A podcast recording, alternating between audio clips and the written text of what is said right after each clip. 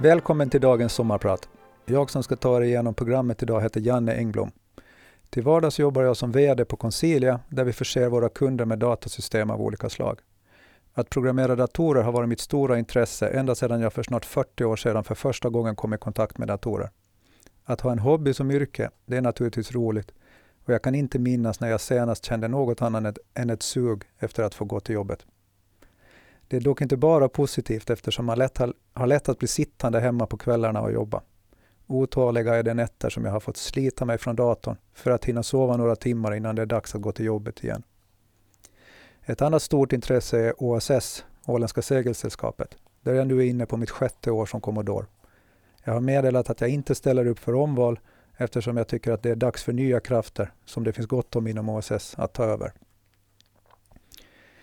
I dagens program kommer jag att berätta några episoder ur mitt liv som antingen berört mig mycket eller varit så pass speciella att jag tycker att ni som lyssnar, eller hoppas att ni som lyssnar vill sitta kvar vid radion de kommande 90 minuterna.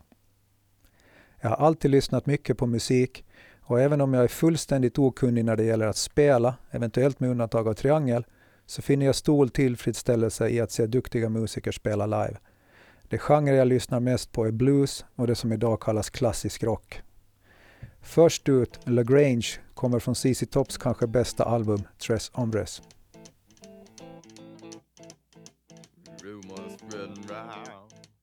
Så länge jag kan minnas var min pappa yrkesfiskare. Han hade flera fiskebåtar, men den som jag har mina minnen från är Mariana. Hon var en av alla som fyllde Korvik, det vill säga fiskehamnen i Mariehamn, under fiskets guldålder på 70 och 80-talet.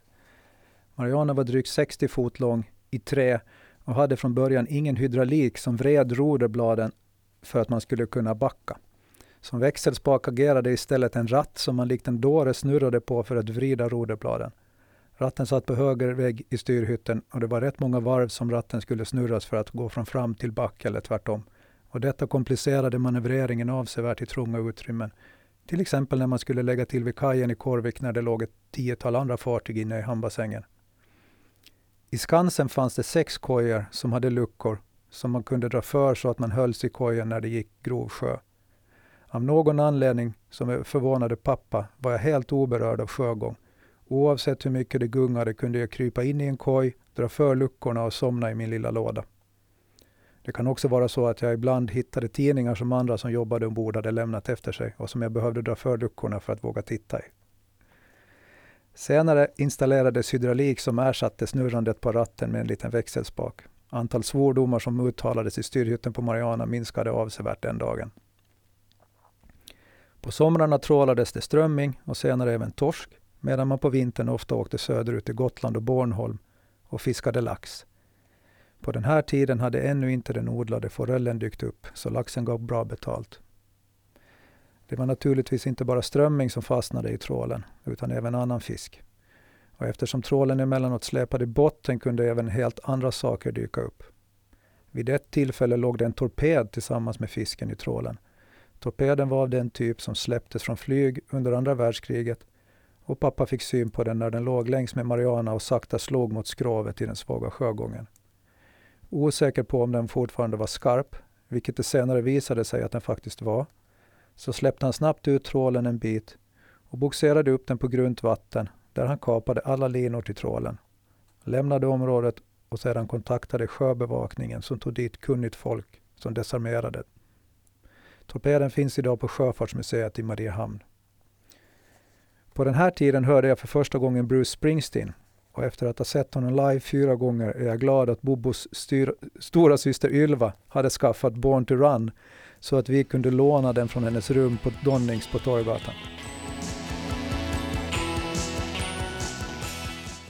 Jag tillbringade flera sommarlov i de tidiga tonåren på Mariana. Vi åkte ut på kvällarna från någon av hamnarna där vi lossat den senaste lasten och drog trål i par med en annan båt fram till tidigt på morgonen. Jag minns att jag en sommar var ensam med pappa. Jag fick alltså göra en vuxens jobb, vilket kanske inte var vad jag som 13-åring hade tänkt med den sommaren men något alternativ upplevde jag inte att det fanns. Däremot fick jag en vuxens lön så jag klagade inte allt för mycket. Arbetssäkerheten på fiskebåtarna på den här tiden lämnade en del att önska och en incident på Mariana har fastnat rejält i mitt minne. Jag var ensam med pappa och vi skulle ta upp fångsten efter att ha gjort ett drag det vill säga dragit trålen i par med en annan båt. Beroende på hur mycket fisk man fick på ett drag kunde det bli ett till. En gång kom vi i land i Korvik med cirka 25 ton strömming på däck. Mariana låg riktigt lågt i vattnet den dagen. När man tar upp trålen lägger man normalt båtarna långsides ute till havs och hjälps åt, men denna gång var sjögången så hög att det inte gick. Således fick pappa och jag göra det på tu man hand. En trål är som en lång påse av nät som smalnar av och fisken man samlar in genom att dra trålen mellan båtarna trycks ihop i sista ändan. Man tar upp fångsten genom att snöra åt sista ändan på trålen och lyfta ombord den som en påse. Den fisk som inte får fast plats i påsen ligger kvar i resten av trålen under tiden. Väl ombord öppnar man påsen och släpper ut fisken. Sedan snör man ihop påsen, häver den i sjön och fyller den med mera fisk från trålen. Påsen som lyftes ombord innehöll ett, cirka ett ton strömming och var stor ungefär som ett sånt, det som kallas för koägg, de här inplastade vita sakerna som ni ser på åkrarna. Och arbetsfördelningen var sådan att pappa körde kranen medan jag skötte tömmandet av påsen och knytandet av knoparna som gjorde att den höll ihop när nästa ton lyftes ombord. Eftersom man måste ligga med sidan mot vågorna för att inte trålen skulle ge sig av i sidled gungade det rejält. Gungandet blev ju inte mindre när det hängde ett ton strömming ovanför däck och agerade pendel. Nisse Hellberg från Wilmer X har skrivit en riktigt skön låt som Peps Persson sjunger på deras bluesalbum Röster från Södern. Får jag lov att presentera Ni lyssnar till Sommarprat med Janne Engblom och vi befinner oss i mina tidiga tonår ombord på pappas fiskebåt Mariana. Efter ett drag har vi börjat ta upp fångsten, men på grund av sjögången kan vi inte få hjälp av fiskebåten vi drar i par med, så pappa och jag får göra jobbet själva. Det som hände den här morgonen var att pappa missade när han med kranen vinschade ombord påsen, det vill säga ända på trålen, som var full med strömming. Och han inte, han inte få ner den på däck innan den började pendla på grund av sjögången. Min uppgift var att få tag i linorna under påsen för att lossa knoparna och tömma ut innehållet på däck. Eh, och då befann jag mig alltid nära, men denna gång hamnade jag mitt i vägen för den pendlande påsen. Som tur var insåg pappa att han inte kunde släppa ner den direkt eftersom jag då hade klämts mellan påsen och däck. Så när den kom emot mig tog jag reflexmässigt tag i den istället. De yttre maskorna på trålen är grova så jag kunde hålla mig kvar medan påsen gungade över relingen och ut över vattnet. Pappa tyckte sannolikt inte att det här var en bra idé att den 13-årige sonen hängde ut över vattnet tillsammans med ett ton strömming, så när påsen vände in över relingen igen släppte han ner den på däck med ett brak så att splittret yrde från lastluckan som krossades. Flera år senare slog det mig att om påsen bara hängt lite lägre hade jag fått relingen i ryggslutet på vägen ut och då hade det nog, nog varit slut med unge herr Engblom. Ett band som jag är glad att jag hann se live är Queen. Det lär numera vara vetenskapligt fastställt att Freddie Mercurys röst var unik och anses vara rockvärldens bästa och mest omfångsrika. Hela familjen är Queen-fans och det går sällan en dag utan att Freddies röst hörs någonstans i huset.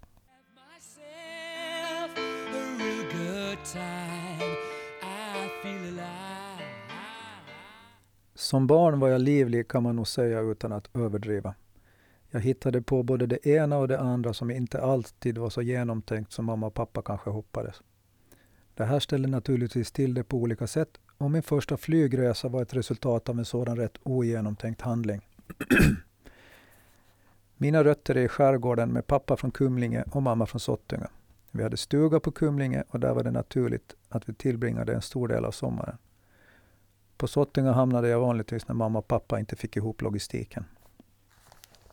Gården mamma kommer ifrån var välbefolkad på 70-talet med mormor, morbror och moster med familj. Många är de dagar då jag varit med och vallat korna till och från betena och gallrat sockerbettor. Gallrandet fick jag betalt för, även om ett och ett halvt penny per meter som man gallrade inte gjorde en rik precis. Det är alltså, jag måste alltså gallra 400 meter för att få ihop till en euro. Jag minns att jag hörde att de på fasta Åland hade betalt per timme och var våldsamt avundsjuk på detta. I takt med att jag blev äldre minskade min närvaro på Sottunga och under många år var jag inte dit alls. Men sedan ett par år tillbaka har jag återigen börjat vistas där då vi har köpt en Holme. Jag trivs väldigt bra, men en sak har jag lite, haft lite bekymmer med och det är att Sottungaborna inte längre har samma namn som de hade när jag var barn. När jag förra sommaren skulle prata med en i jaktlaget blev jag ombedd att kontakta Stig Törnros. Det var ett namn jag aldrig hade hört.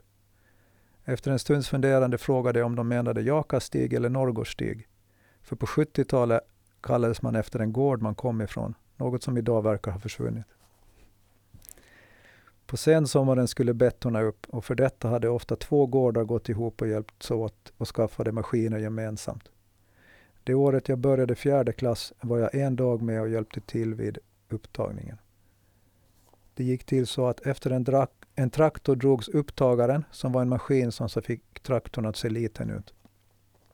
Den kördes fram och tillbaka längs fårorna på åkern och tog upp bettorna. Dock missade den lite nu och då och därför gick man några personer bakom och samlade upp det som missades och kastade upp dem på maskinen med de andra bettorna. Jag har inte speciellt mycket tålamod med enformiga arbetsuppgifter och som barn var det etter värre kan man lugnt säga. Det tog inte länge innan jag var uppe och klättrade på upptagaren. Det hjälpte inte att de vuxna härjade med mig. När de hade fått ner mig var jag strax uppe igen. Vid ett tillfälle stannade plötsligt ekipaget. Varför minns jag inte längre, men något hade sannolikt fastnat. Då ramlade jag av och när det sedan började gå bakåt rullade upptagaren rakt över mitt vänstra ben strax över fot, ovanför fotleden. Jag minns inte att skenbenet brast, men när min morbror kom springande och hjälpte mig upp för att prova om jag kunde stöda på benet och benpiporna gned mot varandra och jag med högsta möjliga volym vrålade över hela Sottinga var det nog ingen som tvekade längre. Intressant nog höll vadbenet så foten satt på rätt plats och i rätt vinkel. Viss hjälp fick den också av gummistöveln som senare klipptes bort av hälsosystern. Efter att ha legat på köksgolvet resten av dagen kom på kvällen skärgårdsflyget och hämtade mig. Det var min första flygtur och jag minns hur häftigt Mariehamn såg ut i mörkret när vi gick in för landning på Slämmaren. Det som jag idag tänker på tillbaka i den här historien och tycker att det är lite manligt är att när de konstaterat att benet var av så satte Frans Ann-Marie mig helt sonika på pakethållaren på en cykel och skjutsade hem mig med foten dinglandet. Gnäll hade man inte mycket för. 1985 såg jag Dire Straits på Hovet i Stockholm tillsammans med några vänner. Albumet Brothers in Arms hade just släppts och de stod på toppen av sin karriär. Det var en bra konsert och jag minns hur imponerad jag var av det ljud som Mark Knopfler fick ur den halvakustiska Beltona-gitarr av stål som han spelade på några av låtarna.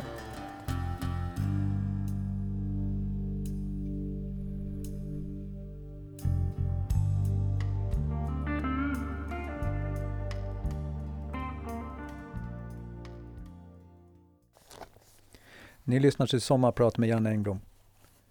1995 bodde jag i Stockholm och blev en dag kontaktad av en kille på ett svenskt produktionsbolag som gör tv-program och säljer dem till tv-kanaler. De hade hittat mig i och med att jag vid den här tiden gjorde datasystem bland annat till Strix Television och till TV8. Hans ärende gällde om jag var intresserad av att vara med och göra ett avsnitt till en ny serie som skulle börja sändas i svensk TV. Det lät skojigt så jag åkte upp till deras kontor i Stockholm där jag fick se motsvarande avsnitt ur den franska förlagan.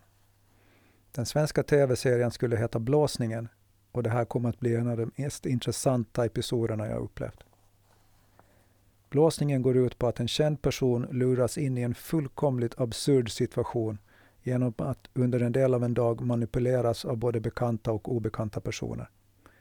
Till hjälp finns alltid en närstående vän som kallas för Mullvad. Denna person är med på alla förberedelser och följer ett manus tillsammans med samtliga övriga inblandade. Ja, förutom stackaren som ska blåsas. Den här typen av inspelningar ger av naturliga orsaker ingen möjlighet till omtagningar, så blir det fel är det kört. Den enda möjligheten som finns om man misslyckas är att prova igen med en annan person. Den som skulle blåsas i det här avsnittet var Peter Settman, som vid den här tiden var mera känd som ena halvan i Ronny och Ragge. Den andra halvan, Fredde Granberg, skulle vara mullvad. Blåsningen gick ut på att lura Peter till en lägenhet som hade fin utsikt över DN-skrapan som är den mest upplysta fastigheten i Stockholm. Ärendet dit gällde diskussioner om ett nytt tv-projekt som han erbjöds att vara med i. I lägenheten skulle det finnas en hacker som vid en viss tidpunkt skulle demonstrera hur duktig han är på att ta sig in i diverse datasystem. Detta skulle sedan gå fullständigt överstyr och sluta med att Peter skulle tro att han aktiverat en funktion i svenska försvarets datasystem som släcker ned strategiska mål vid en attack mot Stockholm från luften. För att bygga upp situationen var ett specialskrivet datasystem som hacken använde helt avgörande. Och det var där som jag kom in i bilden. Mitt uppdrag var att bygga något som såg verklighetstroget ut och gav intrycket av att användaren hackar sig in i stordatorer. Min egen erfarenhet från Electrolux och det system som vi jobbat med där passade bra för det här. Det var effektiva system, men de såg tråkiga och gammaldags ut. Under ett par veckor knappade jag ihop systemet komplett med ljudeffekter som gav intryck av att datorn kopplar upp sig mot andra datorer via modem. Modem var det som man använde på den här tiden. Bredband och fiber fanns inte 1995. Så kom då dagen för inspelningen. De hade lyckats låna en liten lägenhet på Lilla Essingen av ett par som var bortresta. Lägenheten hade enorma panoramafönster rakt mot DN-skrapan och där samlades vi vid nio tiden på morgonen. Det här skulle bli min första tv-inspelning och det var först, förstås en stor upplevelse i sig. Jag har sällan träffat sådana proffs som det som riggade all utrustning i lägenheten. De drog säkert en kilometer kabel, satte in specialbyggda möbler och pennstora kameror på strategiska ställen så att kameravinklarna skulle bli rätt. Ett klädskåp med spegeldörr rymde precis en kameraman med utrustning. Och när de var klara syntes ingenting om man inte gick fram till ett fönster och drog bort gardinen. Där gick en stor mängd kablar ut genom fönstret och två våningar rakt ner till en inspelningsbuss. Inspelningsledaren var en kanadensare som pratade engelska men han svor på franska. Jag hade vid den här tiden på allvar börjat lyssna på blues och hittat Robert Cray. En fantastisk gitarrist som jag nyligen över, efter över 20 års väntande äntligen fick möjlighet att se live. Datorn vi använde var min privata och till den hade skaffats två uppsättningar av skärm, tangentbord och mus. Till det fanns det en brytare som gjorde att man kunde stänga av den ena uppsättningen när man ville. Datorn, brytaren och den ena uppsättningen monterades upp i ett litet kyffe innanför köket. Och vid datorn satt jag.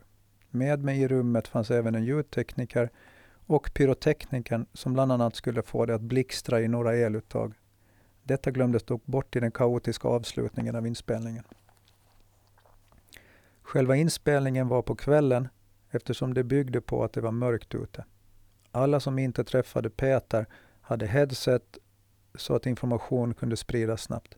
Efter en sista genomgång meddelades det att offret var på ingång. När Peter och Fredde kom till lägenheten möttes de av personen de skulle träffa. Han hade även en kompis där som satt och knappade på en dator, det vill säga min dator. Han presenterades som en bekant med intressanta datorkunskaper. Snabbt kommer de från ämnet och blir sittande vid datorn.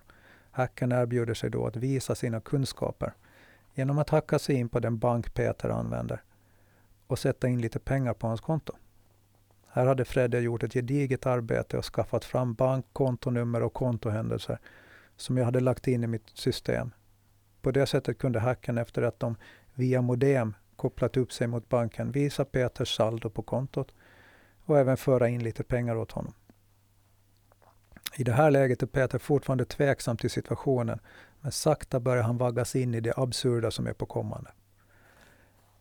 Det avsnitt som sändes var cirka 15 minuter långt, men inspelningen pågick i över en halvtimme, vilket kan verka konstigt eftersom det inte kan göras omtagningar. Men nu är det så att i, på det sättet att jag lyckades stilla till med en sådan oreda att det var nära att allting avslöjades. Orsaken till det var helt enkelt att jag blev så nervös att jag i princip tappade förståndet. När inspelningen började insåg jag plötsligt att vi faktiskt bara hade en chans att lyckas och att det till stor del berodde på mitt datorsystem och vad jag gjorde. Personen det skulle träffa hade via telefon varit tvungen att lämna lägenheten och nu satt Peter framför datorn med Fredde och Hacken som hade fört in lite pengar på kontot. Då ringer Hackens telefon och även han måste lämna lägenheten. Kvar blir Peter och Fredde. Fredde hade i det här läget uppgift att få Peter att framför datorn och knappa lite på den. Detta skulle leda till att jag tog över datorn genom att slå om brytaren så att Peters tangentbord och mus slutade fungera. Och på så sätt så kunde han inte påverka det som hände. Sedan skulle jag initiera datasystemet och få det att se ut som att de kommit in i svenska försvarets system och startat en funktion som börjar släcka ner strategiska mål i Stockholm. Och det var nu som det kortslöt sig i min hjärna. Jag slog om brytaren och startade funktionen.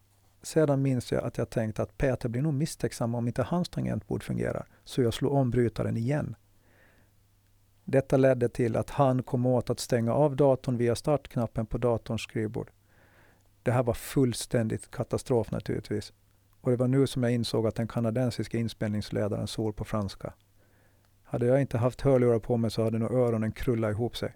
Han var fullständigt rosenrasande och skrek i ett kör åt mig. Ett annat band som jag lyssnat mycket till och som kanske gjort den sämsta konsert jag varit på är Deep Purple. Purple var nog betydligt bättre på 70-talet än på 90-talet, men bra musik har de gjort i mängder.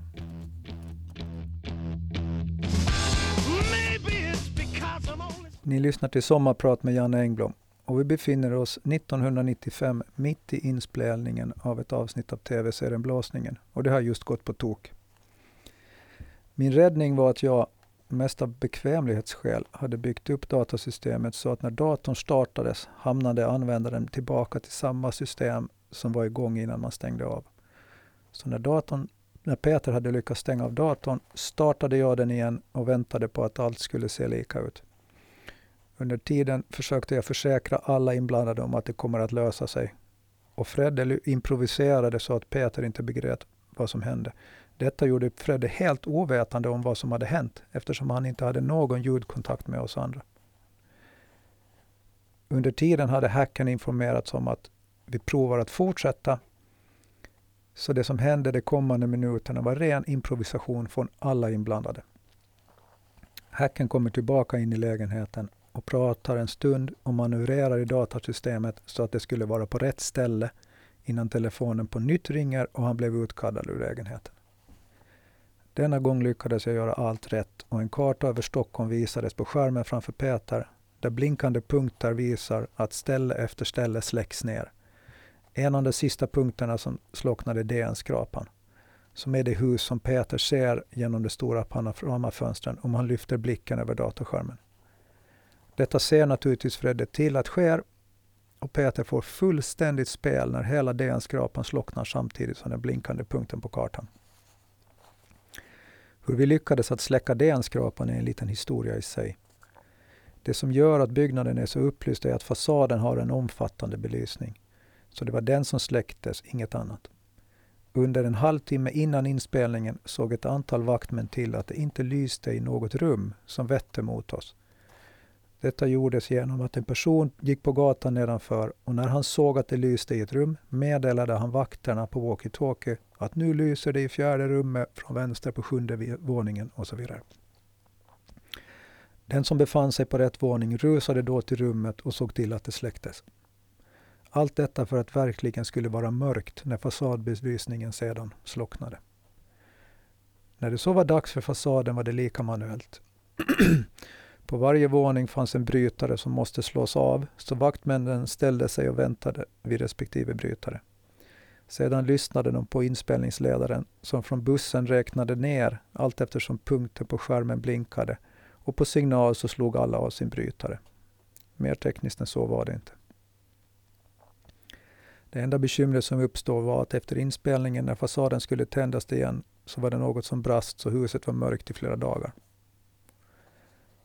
Efter detta kommer finalen när det ringer i lägenheter och Peter får en major från svenska försvaret på tråden. Han hjälper Peter att mata in en kod som avslutar processen precis innan hela Stockholm stäcks. Sedan kommer alla in i rummet och inspelningen avslutas när Peter inser att det hela handlar om ett practical joke. Jag pratade med Peter direkt efter och han var helt slut. Han sa att han bara väntade på att han skulle få se polisbilar med blåljus på gatan nedanför lägenheten. Peter blev senare utsedd till Sveriges mest blåsta och programmet har röstats fram som det bästa avsnittet som blåsningen som gjorts. Han sa i en intervju att orsaken att han blev så blåst var att allting inte gick perfekt.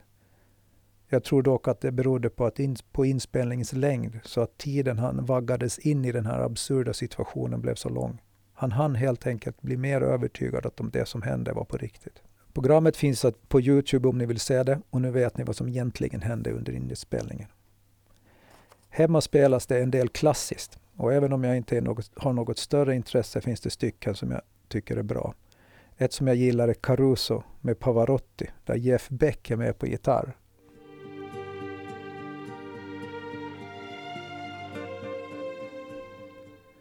En dag som jag aldrig glömmer är när mamma ringer och berättar att pappa ligger död på gräsmattan hemma i Västernäs. Huset jag växte upp i ligger inte långt från fiskehamnen och pappa gick ofta ner dit och pysslade med båten. Inte sällan glömde han att berätta när han gick. Den här dagen trodde mamma att det var så, men när katten kom in och betedde sig underligt gick mamma ett varv på gården och bakom huset hittade hon pappa. En läkare berättade senare att enkelt förklarat hade han fått hjärtslag och sannolikt tappat medvetandet innan han slog marken. Detta var naturligtvis ett hårt slag för oss alla och jag funderade en del på hur man berörs när ens nära försvinner. Mitt resonemang gick i banorna att när det sker så snabbt så lider i alla fall inte den som dör, vilket inte sällan sker om man blir liggande i en dödlig sjukdom. Däremot tänkte jag då att som anhörig hinner man kanske vänja sig vid tanken om det drar ut på tiden.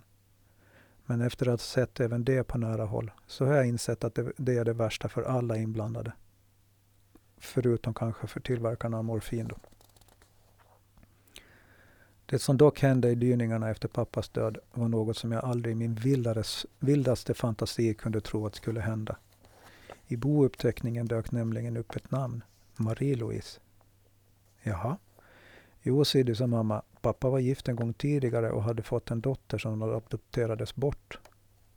Jaha, ja. Var finns hon då? Ja, det kunde däremot ingen svara på.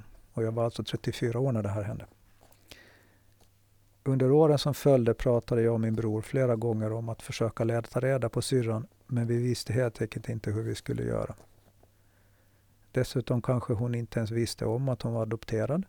Eller så kanske hon inte ville ha med oss att göra, om hon ens levde. Det var svåra frågor och vi kom aldrig längre än till prat i ämnet.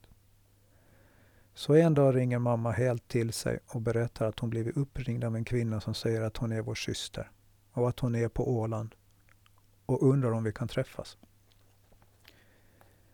Mamma, brorsan och jag kom överens med Marie-Louise om att träffas på neutral mark i Mariehamn. Vi möttes i korsningen Torggatan-Nygatan och det var helt, inte helt oväntat rätt nervöst. Det blev dock början på något helt fantastiskt. Vi fikade på Svarta katten och dagen efter åt vi middag hemma hos oss. Hon berättade att hon hade fått tag på pappas nekrolog och besökt hans grav där hon lämnat ett brev ifall hon inte skulle få tag på oss. Sedan har det rullat på. Jag är numera morbror och mina barn har fått ett tillskott till kusinskaran. Ett par år senare ordnade vi kusinträff på Åland så att Marie-Louise skulle få träffa sina nyfunna kusiner. Vi har ett helt gäng. Vi åkte även runt på Åland så att hon fick se de ställen där hon varit innan hon adopterades bort. I samma veva som Marie-Louise hörde av sig damp ett brev ner hos min sambo Pernillas mamma. Brevet var skrivet av en hittills okänd bror till Pernillas avlidne pappa, som även han adopterades bort tidigt. Så Pernilla fick en farbror när jag fick en syster. Dessutom bor han bara några mil från Marie-Louise, så när vi besökte henne första gången passade vi på att besöka Billy, som farbrodern heter. Vi har nu besökt Marie-Louise, Gunnar och deras barn med familjer flera gånger i Vargen utanför Vänersborg och träffas så ofta vi kan, vilket tyvärr är allt för sällan. Jag trivs oerhört bra i hennes sällskap och är tacksam att hon tog tag i saken och hörde av sig. Marie-Louise berättade en gång hur det gick till när hon adopterades bort. Hon var fyra år och fick följa med en sköterska på tåget från Stockholm till Jönköping. Med sig hade hon en liten väska med sina saker. På perrongen i Jönköping mötte hon sina adoptivföräldrar första gången och sköterskan tog nästa tåg tillbaka. Så enkelt hanterade man saken på den tiden. Första gången jag hörde Santana var på mitt konfirmationsläger på Lämböte. En av ledarna hade en bergsprängare där de spelade musik när de trodde att vi andra sov. 1996 köpte en kompis i Stockholm en begagnad 40 fot segelbåt i Manchester i England. Tillsammans med fem andra blev jag erbjuden möjligheten att vara med och segla den, segla den från England till Stockholm. Vi reste till Liverpool dit båten blivit flyttad och mönstrade på en eftermiddag i september. Totalt var vi alltså sju personer ombord och vi delade upp oss i tre stycken tvåpersoners team som körde båten i skift och gav således ägaren möjlighet att flyta runt som han ville. Ägaren var den enda person i besättningen som jag träffat tidigare och eftersom jag inte, då inte seglat utanför Östersjön tidigare ville jag veta att det fanns personer ombord som hade erfarenhet av det vi skulle göra. Att ägaren själv inte hade det visste jag, men han intygade att de andra var erfarna seglare. Någon som skulle komma att visa sig vara, ska vi säga, en något optimistisk inställning. Vi lämnade Liverpool i bleke och stävade rakt västerut för att runda Anglesey, som för ålänningar kanske är mera känt under dess walesiska namn Enismon, eftersom de är med i öspelen under det namnet. När vi nådde Skerries nordväst om Enismon vek vi av söderut och fortsatte så genom Irländska sjön för motorn i ett par dagar tills vi började närma oss Lands End. Här fick vi äntligen lite vind och rundade Englands sydvästra hörn i cirka 6 meter per sekund. Och det var nu som jag började bli lite fundersam gällande vissa besättningen. Hittills hade vi inte utsatts för något annat än sol och i princip spegelblankt hav. Men ganska snabbt drev vågor på ett par meter upp och jag som var van vid Östersjöns vindvågförhållande blev förvånad över storleken på de vågor som de beskedliga vindarna skapade. Efter ett kort stopp i Falmet för att bunkra gav vi oss av för att korsa Engelska kanalen. Det tog nog inte länge innan två ombord kroknade i sjösjuka. Dessutom visade det sig att de inte heller hade någon erfarenhet av segling att tala om. Den kommunikationsansvarige kunde visserligen använda VHF som han lärt sig i lumpen, men mycket mer än så var det inte. Vi följde engelska kusten för att vid Dungeness börja ta oss över mot Calais. Engelska kanalen är likt en bilväg uppdelad i två filer. En nordgående på franska sidan och en sydgående på den engelska. Mellan filerna finns en, en, ett sjömil brett område som fartyg endast får röra sig i när de korsar kanalen. Det finns tydliga regler för hur man ska bete sig när man korsar detta område. Bland annat måste man gå för motor och så ska man ta kortaste vägen, det vill säga rakt över. Vi hade inte befunnit oss länge i området mellan filerna innan vi blev anropade av engelska kustbevakningen. De berättade att vi bröt mot regel 21b, tror jag det var, vid korsande av kanalen. Det fanns ingen ombord som hade en aning om vad de pratade om. Till slut fick vi klarhet i vad, de, vad problemet var, så vi revade seglen och byt, bytte till motor till kurs som de var nöjda med. På durken i kajutan låg en kille helt utslagen i sjösjuka. Vid ett tillfälle kokade någon en kastrull vatten som han tappade när han lyfte den av spisen. Den landade bredvid killen på durken men som tur var sprättade allt vatten bort från honom. Det hade annars kunnat sluta riktigt illa. Det band som jag tror att jag lyssnat mest på är Pink Floyd. Lyckligtvis hann jag se dem live ett par gånger medan alla medlemmar i bandet var vid liv. Personligen tycker jag att deras bästa musik skapades efter att de bröt med Roger Waters, även om The Wall nog får räknas som en klassiker. Ni lyssnar på Sommarprat med Jan Engblom och vi befinner oss på Engelska kanalen 1996. När vi kom över på den franska sidan hissade vi segel igen och nu började vågorna bli högre. högre. När mörkret föll gick det 3-4 meters vågor. Vi följde kusten norrut och utanför Belgien tilltog vinden ytterligare i den svarta natten. Vinden kom lite för om tvärs, lite mer, det vill säga lite mer från sidan än full kryss och båten fick visa att den verkligen var så välbyggd som säljaren hade utlovat. Vi var nu tre personer som turades om att stå vid rodret. Resten var obrukbara. En fyrs blinkande sken enligt ett unikt mönster som gör att man i mörker kan skilja olika fyrar åt och identifiera en enskild fyr. På ett sjökort finns fyrarnas blinkmönster angivet och på så sätt så får man hjälp med navigationen. I området där vi befann oss kändes det som att det blinkade överallt och det var ett rysligt diskuterande ombord kring vilken fyr som var vilken. På det hela fick jag uppfattningen av att det fanns en någorlunda erfaren person ombord och utan honom vet jag inte vad det hade blivit av det hela. Vi tre som var i skick satt i sittbrunnen och pratade medan, medan vågorna emellanåt slog över båten. En kille hade under sin jacka en automatisk flytväst, en sådan som blåser upp sig själv om man hamnar i vattnet. När en av vågorna slog in över sittbrunnen tyckte den väl att nu var måttet rågat, så mitt i allt blåste den upp sig och han blev att se ut lite som en Michelin-gubbe. Det är ingen bra idé att ha en sådan flytväst under en tight jacka eftersom den kan bli att trycka hårt på kroppen. Lyckligtvis var så inte fallet denna gång, men rädd blev han, medan vi andra inte hade några som helst problem att se det komiska i det hela. Senare på kvällen hade jag frivakt och valde att gå och lägga mig.